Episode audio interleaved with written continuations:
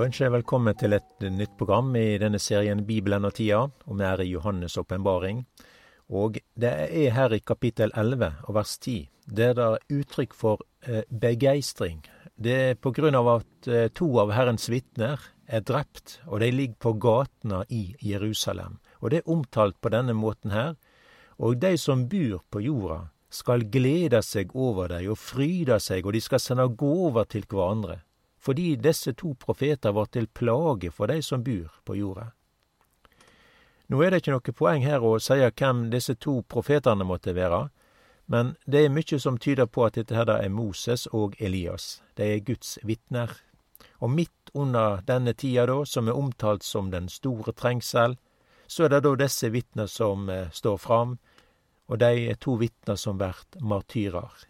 Guds vitnesbyrd vert ikkje akseptert eller tålt, og de skal ryddast av veien. Og lika ta desse to eh, vitner da, vert liggjande i tre dager i gatene der i Jerusalem, og folket skal glede seg, og eh, nasjonane fryder seg over at eh, de ser at de er døde. Vi kan ta vers ni her. I tre dager og en halv ser mennesket for alle folk og etter og tungemål på lika deira, og dei tillet ikkje at lika vert gravlagde. Så det er underlig at disse to profeters død skaper både glede og fryd. Det er reine julestemning med at alt folket ser dette her, og de sender gåver til hverandre. Vi ser at Guds fiende ler. Spotterne fryder seg. Og det er opplagt at mennesket trur at de har sett en stopper for Guds plan. Og her er det stor villfaring, at mennesket tror at de kan verta nær sagt guder, og, som har beseira Gud. Når det da blir gjort vedtak om disse tingene her, og tanker og ideer som blir sett ut i livet, en skal sende gåver til hverandre, så minner det meg om ei anna begivenhet som vi har ifra Bibelen og Israels historie og det er ei skildring som går tilbake til perserne og jødehateren Haman. Dette her er jo fortellinga fra Esters bok. Ester var dronning i det persiske riket. Her er det da forskjellige omstendigheter som gjorde at eh, kongen valgte Ester til dronning. Ester er jøde, og denne identiteten er noe som hun heldt skjult. Og eh, det er mange jøder i dette persiske riket, da, som ikke har vendt tilbake til Israel og Juda. Eh, blant rådgiverne til kongen så har han da en av sine medarbeidere som heter Haman. Eh, han får da denne tanke og idé at når han går ut og inn ifra kongsgården, så skal alle bøye seg for han. Det er da en da som heter Mordekai, som ikke synes noe om dette her, for han veit da at det er bare én du skal tilbe, og det er Herren, Israels Gud. Så mens alle bøyer seg for Haman, så blir denne her da Mordekai stående. Og Mordekai, han er fosterfaren til dronning Ester. De er jøder. Nå skal jeg ikke fortelle denne skildringa som er omtalt her i Esters bok, da, men jødehateren Haman får til en dag og en måned og et år da, der alle jøder i det persiske riket skal drepast. Og det er jo denne begivenheten her som er bakgrunn for purimfeiringa som Israel feirer og markerer den dag i dag. Hver vår. Nå vart det ikke noe av dette her som Haman sette i verk.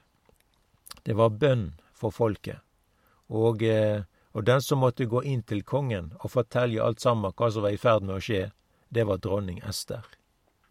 Jødehateren Haman hadde bestemt seg for å henge Mordekai i galgen som han hadde laga til heima på gardstunet sitt, men det endte med at Haman sjølv vart hengt i denne galgen.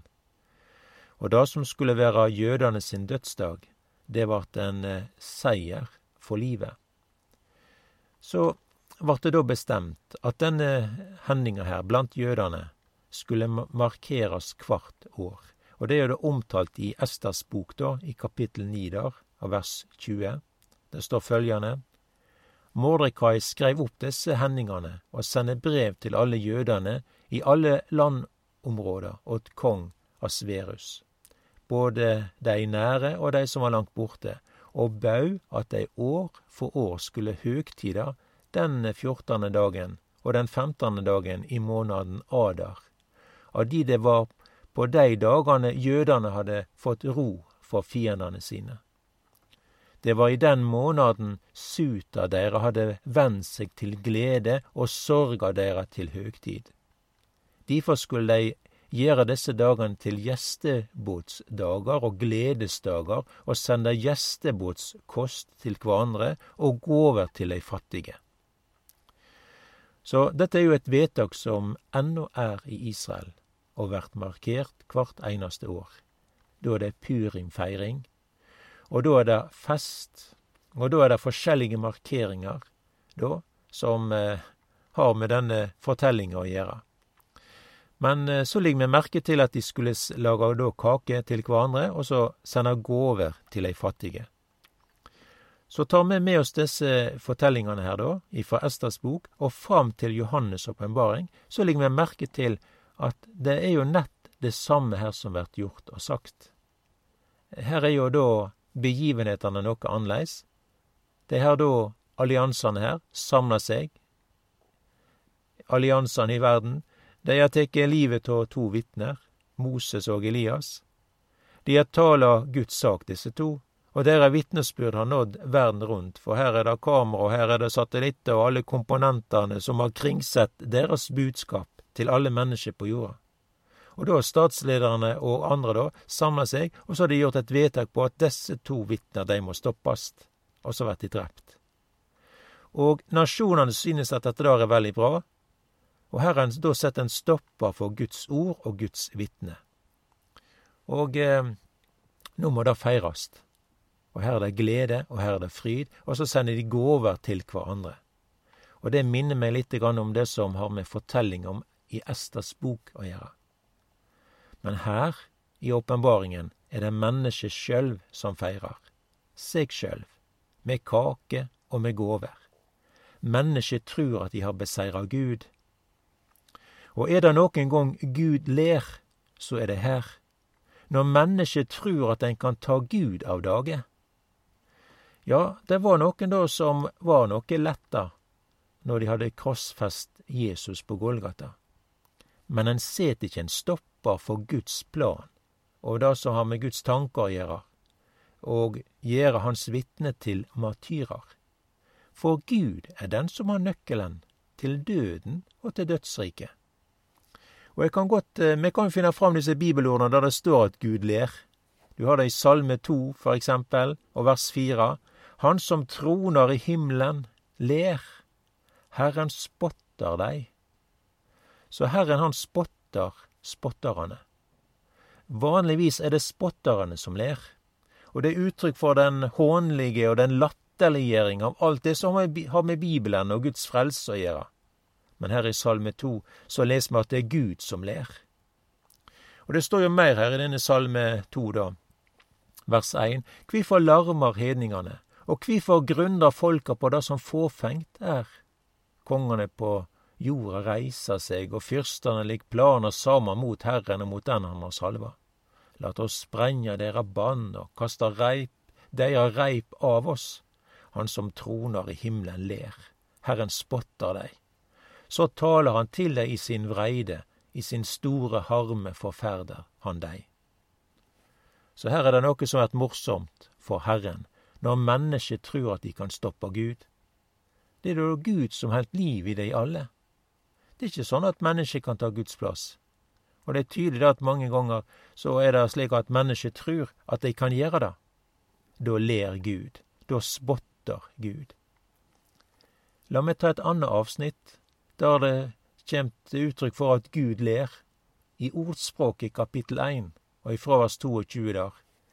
Hvor lenge vil det uvitende elska fåvite, og spotterne har hug til spott, og dårerne hatar kunnskap? Vend om og få heim att, døtrene mine. Eg er da for gammel til å verta gift. Og om eg tenkte det er ennå von, ja, om eg alt i natt fikk en mann og fikk søner.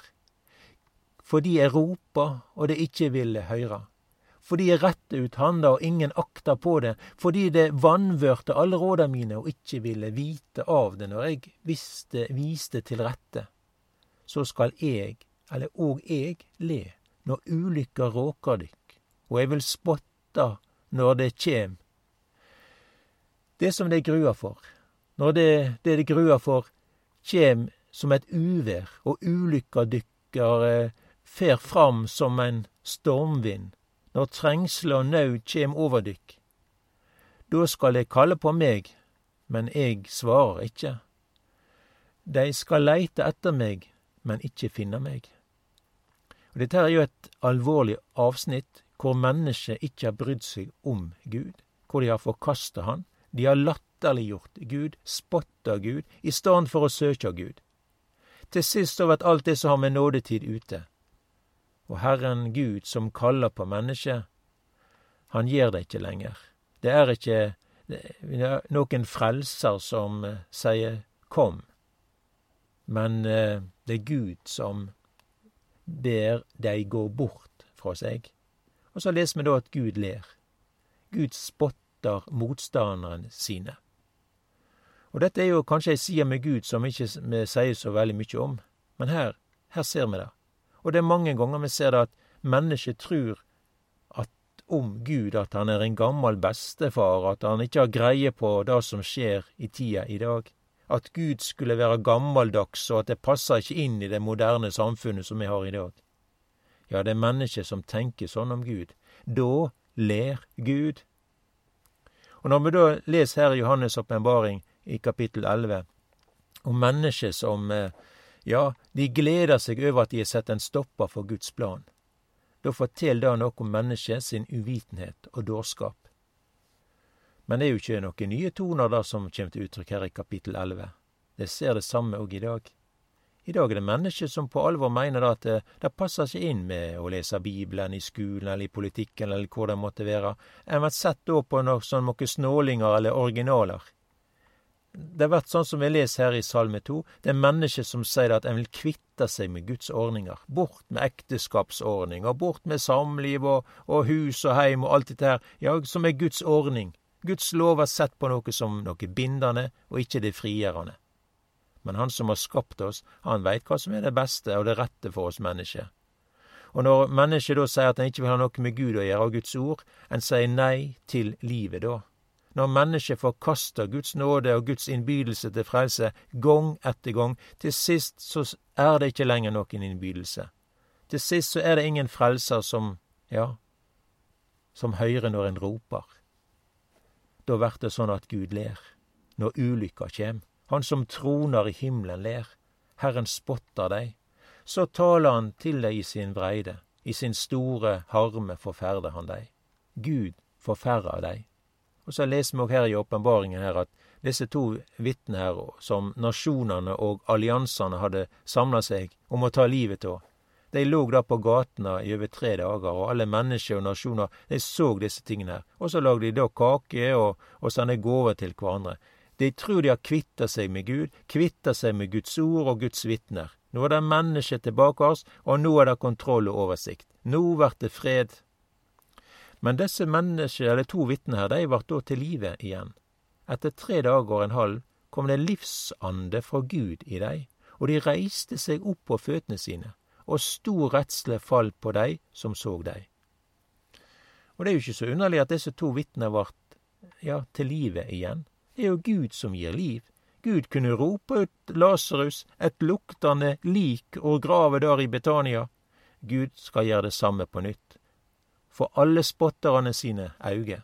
Han skal rope ut alle for gravene en dag, også i bortrykkelsens augneblink. Og grunnen for det er at de har del i den første oppstandelse.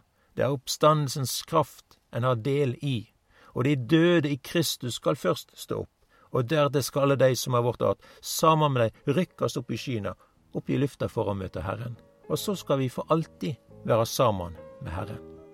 Jesus kjem snart igjen.